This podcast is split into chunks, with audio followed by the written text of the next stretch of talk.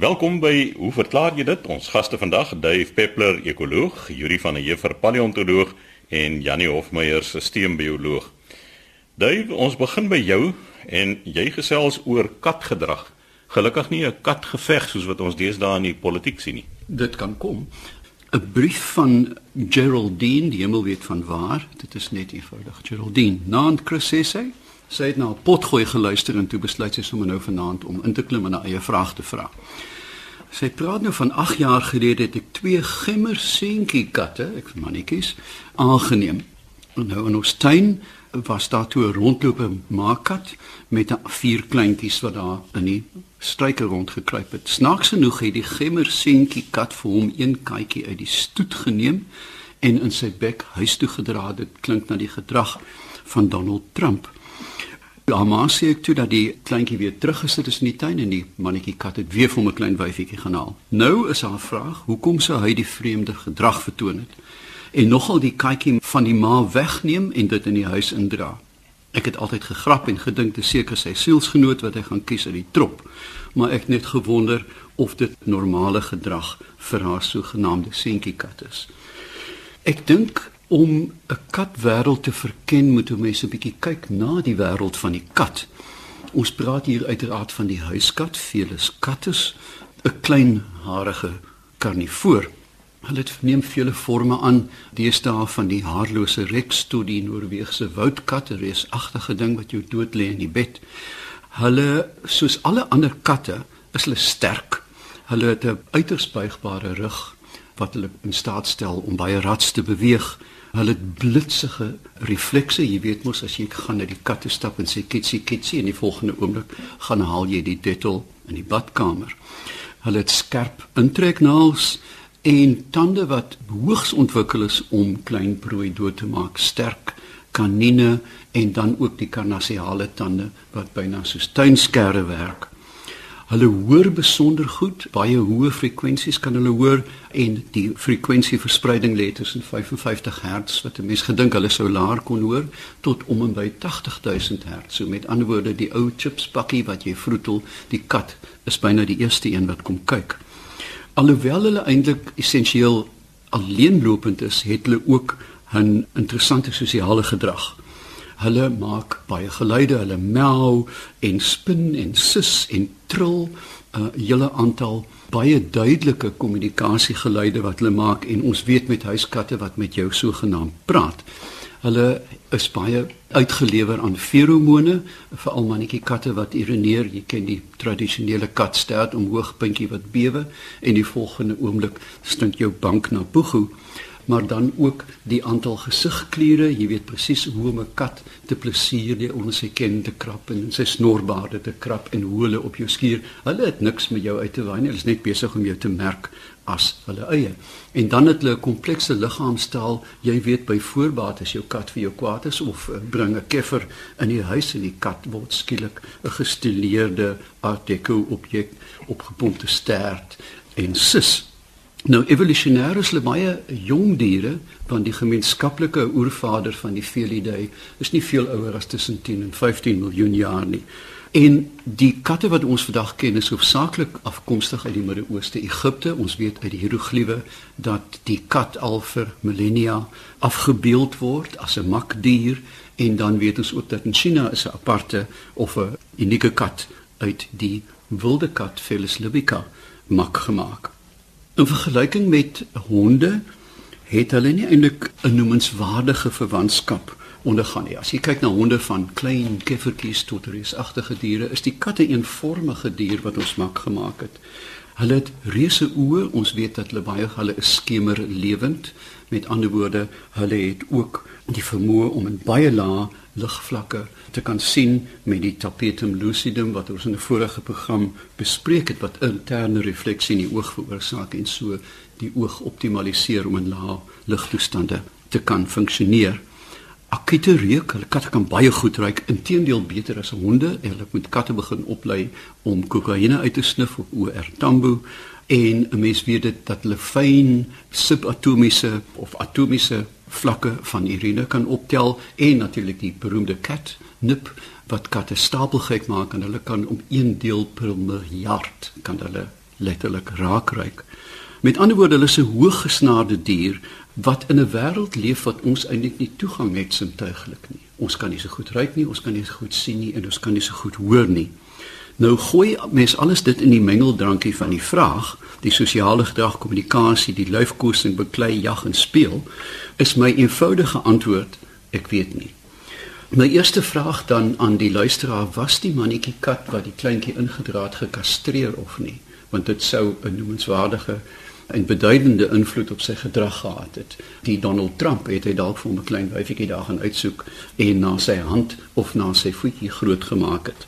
So, daar is 'n aantal moontlike verklaringe vir die gedrag. Die een is dat die klein katjie na iets geruik het wat hom aangetrek het, het die katjie dalk in kruisement of in 'n plant gerol of gespeel wat vir hom aantreklik was of het die katjie geluide gemaak wat in 'n baie hoë frekwensie wat hom moontlik aan prooi kon laat dink het en ons weet dat katte prooi huis toe dra en lam speel en vir jou kom wys in jou bed. So dit is 'n baie baie sterk gedrag by katte om voorwerpe huis te katte bring blare blikkies en goed bring hulle huis toe. So daar lê my twee verklaringe. Een die katjie die wyfie katjie het baie lekker geruik heel moontlik as gevolg van 'n plantaardige kontak of die katjie het geluide gemaak wat miskien 'n prooi nageboorts het alhoewel hy die kat nie doodgemaak het nie maar in 'n speelse gedrag die kat huis toe gedra het. Ek is jammer ek kan nie vir u 'n klinkklaar antwoord gee nie, maar dit is sover ek kan dink. So sê Dave Peppler, ons ekoloog. Yuri, jy het so 'n program of wat gelede het jy gesels oor die kwessie of heling oor 'n afstand moontlik is maar daar's een aspek waarby ons toe nie uitgekom het nie en jy gaan nou vandag verder gesels daaroor. Goeiemôre Chris, kollegas en luisteraars. Ja, ek begewe my hier op 'n terrein wat ek vreemd voor is, maar um, ek gaan tog ietsie daaroor sê. Nou uh, die oorspronklike brief het van Andries Botha van Sunningdale afgekom en hy het die boek gelees van 'n dame met die naam van Lynn McTaggart. En uh, ek sien hier 'n sekere kop knikke rondom die tafel.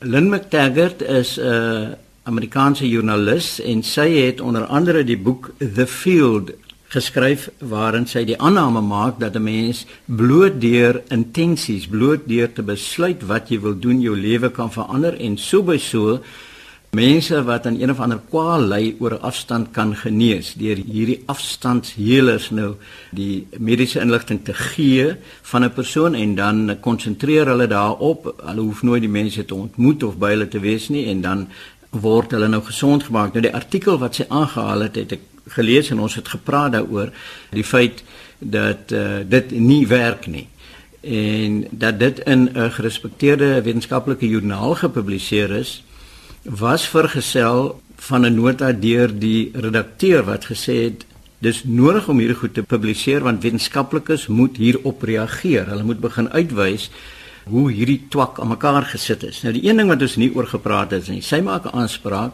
in die boek van haar dat dit redelik maklik is om kwantummeganika te verstaan en dat hierdie afstandsheling werk op die vlak van kwantummeganika. Nou Kwantummeganika is die wetenskap van baie baie klein deeltjies. En dit verduidelik of dit poog om te verduidelik die gedrag van materie en die interaksies daarvan met energie op die vlak van atome en subatome of subatomiese deeltjies. Dit werk ook met die waarskynlikheid van die posisie waarin 'n deeltjie hom op 'n gegeewe oomblik kan bevind. En nou die praktiese toepassing daarvan vind 'n mens in die LED liggies wat ons het, lasers, transistors in die mediese veld, magnetiese resonansie wat vir ons beelde verskaf van die liggaam en ook by elektronmikroskope. Nou die klassieke fisika werk nie so nie. Dit werk met materie en energie op 'n skaal wat ons kan verstaan, wat ons kan sien en waarmee ons bekend is. So die voorwerpe soos julle wat hier om die tafel sit, die bestaan in 'n spesifieke tyd en 'n spesifieke plek. Nou dat hierdie verskynsels nie deur kwantummeganika kan verklaar word nie, weet ons nou al. Kom jare gelede was daar die geval van die arme Uri Geller wat uh, sou allerhande goed kon verrig het met breinkrag Hy het lepels gewil om te buig en hy's uiteindelik uitgevang op 'n Amerikaanse televisieprogram waar die aanbieder van die program net voor hy met sy demonstrasie sou begin het die lepels vervang het met 'n stel van sy eie lepels en Uri Geller kon toe nou nie sy ding doen nie. Ons sien iets daarvan dink ek in ons eie politieke situasie vandag as ons uh, kyk na hoe ons uh, nasionale en munisipale beheerliggame faal om water skoon te kry om riolering se uitwasse te beperk in die onderwys en al die soort van goed dan is die refrein gewoonlik in toesprake we are going to. Die refrein is nooit wat het ons reeds gedoen nie? So dit lyk asof hierdie idee van die intensie sal uiteindelik die nodige antwoord verskaf oral gebruik word. Nou Lynn McTaggart het geen opleiding akademiese opleiding in wiskunde of in fisika nie En wat sy doen is sy verwys na die een artikel wat ons in 'n vorige program beskryf het en sy ignoreer die letterlik derduisende artikels wat daar op wys dat daar nie so iets is soos heling op 'n afstand nie. Jy kan nie met jou breinkrag eintlik buitekant jou liggaam enige effek hê nie.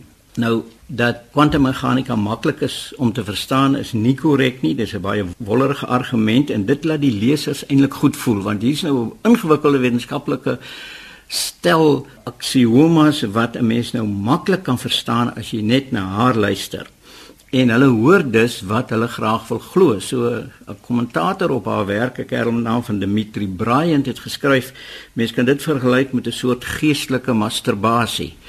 So die goed wat sy noem daar om deur middel van 'n analogie sulke goed te verduidelik werk nie altyd nie. Ons gebruik analogieë, jy kan 'n aantoon of verduidelik hoe uh, elektrisiteit werk deur gebruik te maak van hoe water deur 'n stel pipe en kleppe vloei, maar dit is net 'n analogie en dit werk net tot op 'n punt. Dit kan nie voluit 'n verduideliking wees nie. So haar fout is eintlik om te beweer dat die kwantumeffekte wat op die subatomiese vlak voorkom net so oorgeplaas kan word in die wêreld van die klassieke fisika. En ons weet, jy kan nie 'n baksteen of 'n bloedsel net laat verdwyn en dan verskyn dit skielik op 'n ander plek nie. So om die ding nou finaal dink ek tot rus te bring, wil ek net graag 'n aanhaling lees uit 'n populêre boek wat geskryf is deur 'n Hollandse neuroloog Dick Swab En gelukkig is dit uit Nederlands vertaal en baie goed vertaal dink ek deur Daniel Hugo. Die boek se titel is Ek is my brein van baarmoeder tot Alzheimer. En hy tree in gesprek juis met 'n Nederlandse medikus wat ook hierdie kwantum aspirasies verkondig het en ek wil net graag lees wat Dick Swab van hom gesê het. En die teenstander van hom is 'n kerel met die naam van van Lommel En hy sê uiteindelik kom van Lommel se teorie daarop neer dat ons brein en ons DNS ontvangers is vir bewussynsgolwe wat hy nie nader omskryf nie. Hy maak by sy verduidelikings uitvoerig gebruik van die begrippe soos verstrengeling en non-lokaliteit en ander terme geleen by die kwantumfisika. Aangesien dit nie my vakgebied is nie, sê hy, wil hy nie die kommentaar lewer nie, hy laat dit oor aan 'n teoretiese fisikus, Robert Duykgraaf, wat gesê het: Mense het 'n onweerstaanbare drang om die oplossing van onverklaarbare probleme in die kwantumfisika te soek. Maar al die eienskappe van kwantumstelsels verdwyn helaas geweldig vinnig as jy meer as 'n paar deeltjies bymekaar sit. Verstrengeling en non-lokaliteit wat beteken dat die deeltjies op 'n afstand aan mekaar verbind is en mekaar kan beïnvloed kom net voor onder uitsonderlike omstandighede by 'n temperatuur 'n miljardste graad bo die absolute nulpunt en in 'n uiters goed geïsoleerde omgewing.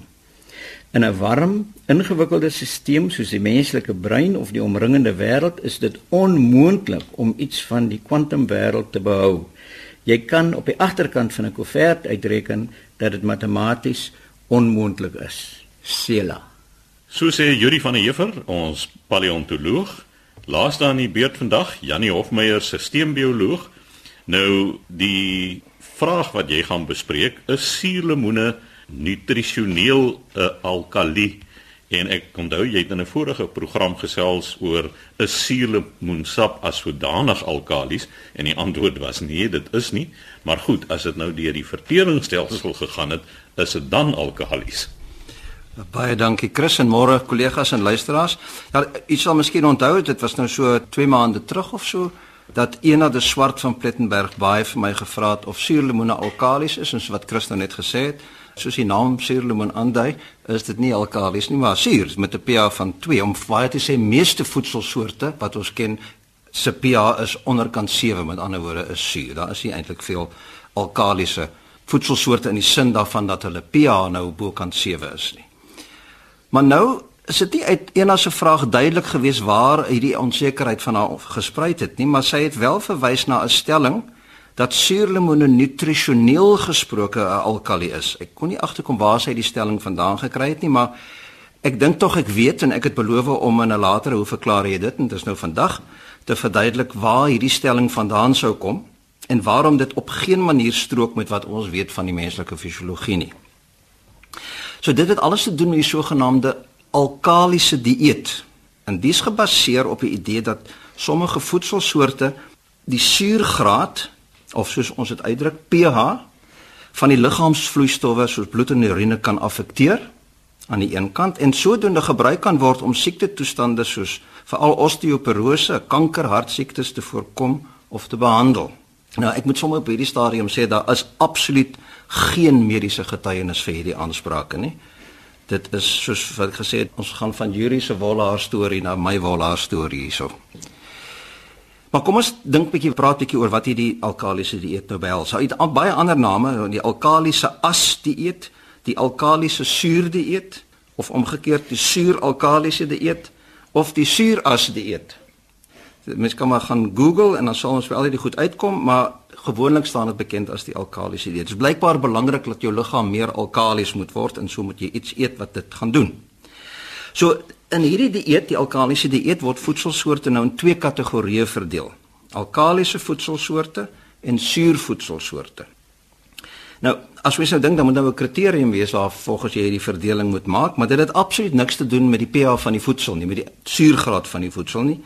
Ek het al tevore verduidelik dat alle voedselsoorte nou eintlik suur is, maar die verdeling het te doen met die aard van die die sogenaamde as wat oorbly as die voedsel nou eksperimenteel in 'n bomkaloriemeter verbrand word. Nou 'n bomkaloriemeter is 'n is 'n apparaat wat algemeen gebruik word om agter te kom hoeveel energie daar vrygestel kan word uit veral organiese verbindings. So wat is 'n metaal silinder? Jy sit 'n stukkie afgeweegde kos daarin, pomp dit vol suurstof en sit 'n vonkie by, maar dit is nou gesluit en dan is die bomkalorimeter in 'n vloeistof water gewoonlik en dan kan mens nou bereken uit die temperatuurtoename van die water en met agneming van die volume en die hittekapasiteit van die water kan mens agterkom hoeveel hitte daar vrygestel word.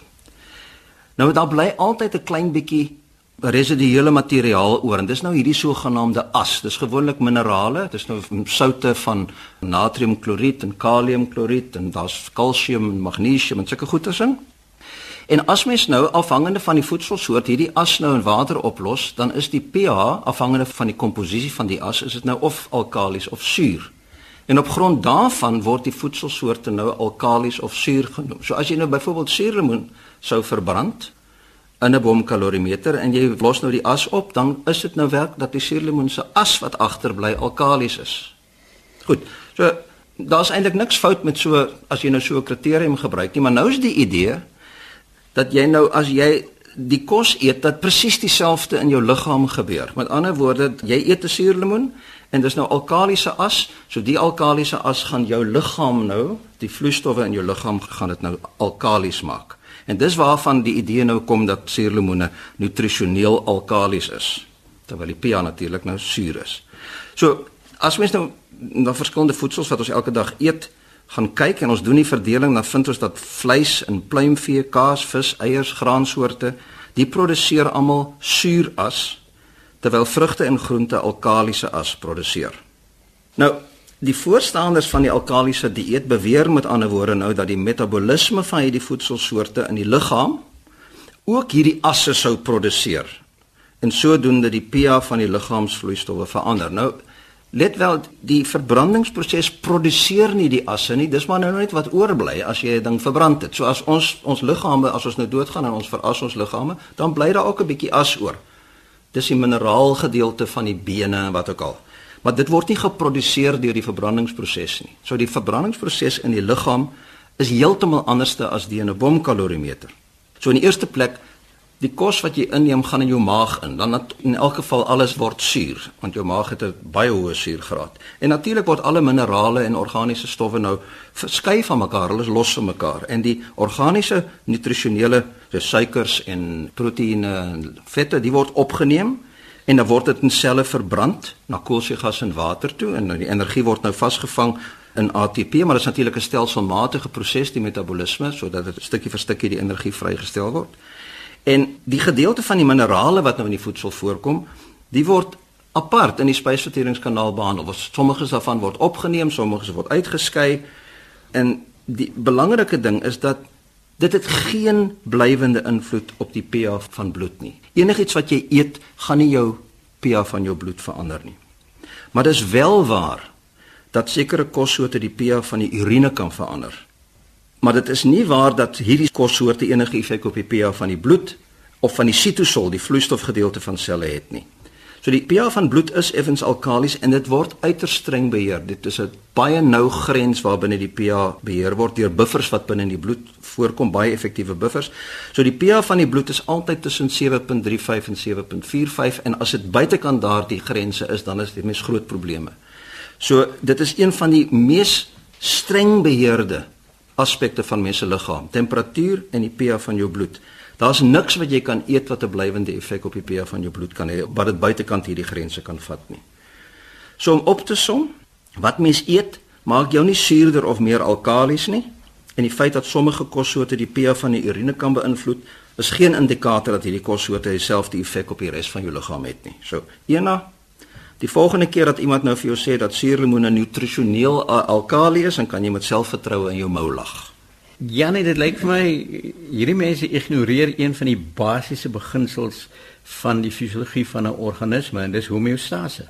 Absoluut. So mense het baie ding wat homeostaties beheer word in die liggaam. Die bekendste daarvan is natuurlik temperatuur, glikose in die bloed wat ook baie baie nou beheer word deur die hele insulien en ander hormonale stelsels en dan in die geval nou ook die pH van die bloed, maar ook binne in selle word sommige verbindings wat in die metabolisme voorkom se konsentrasies baie baie nou beheer. Want daar's natuurlik derduisende verbindings binne 'n sel en jy kan nie toelaat dat een van hulle 'n hoë konsentrasie inneem want dan put jy die oplosmiddelkapasiteit van die sel uit. So almal word laag gehou deur homeostatiese meganismes. So hierdie meganismes, hierdie reguleringsmeganismes is baie baie sensitief en daar's geen manier wat jy deur 'n suurlemoen te eet alkalies gaan word nie. Kry ek nou 'n suurtrek op my gesig. Dit was dan Janie Hofmeyer, ons stelselbioloog. Die tyd het ons weer ingehaal. Skryf gerus aan. Hoe verklaar jy dit? Posbus 2551 Kaapstad 8000 of stuur 'n e-pos aan chris@rsg.co.za.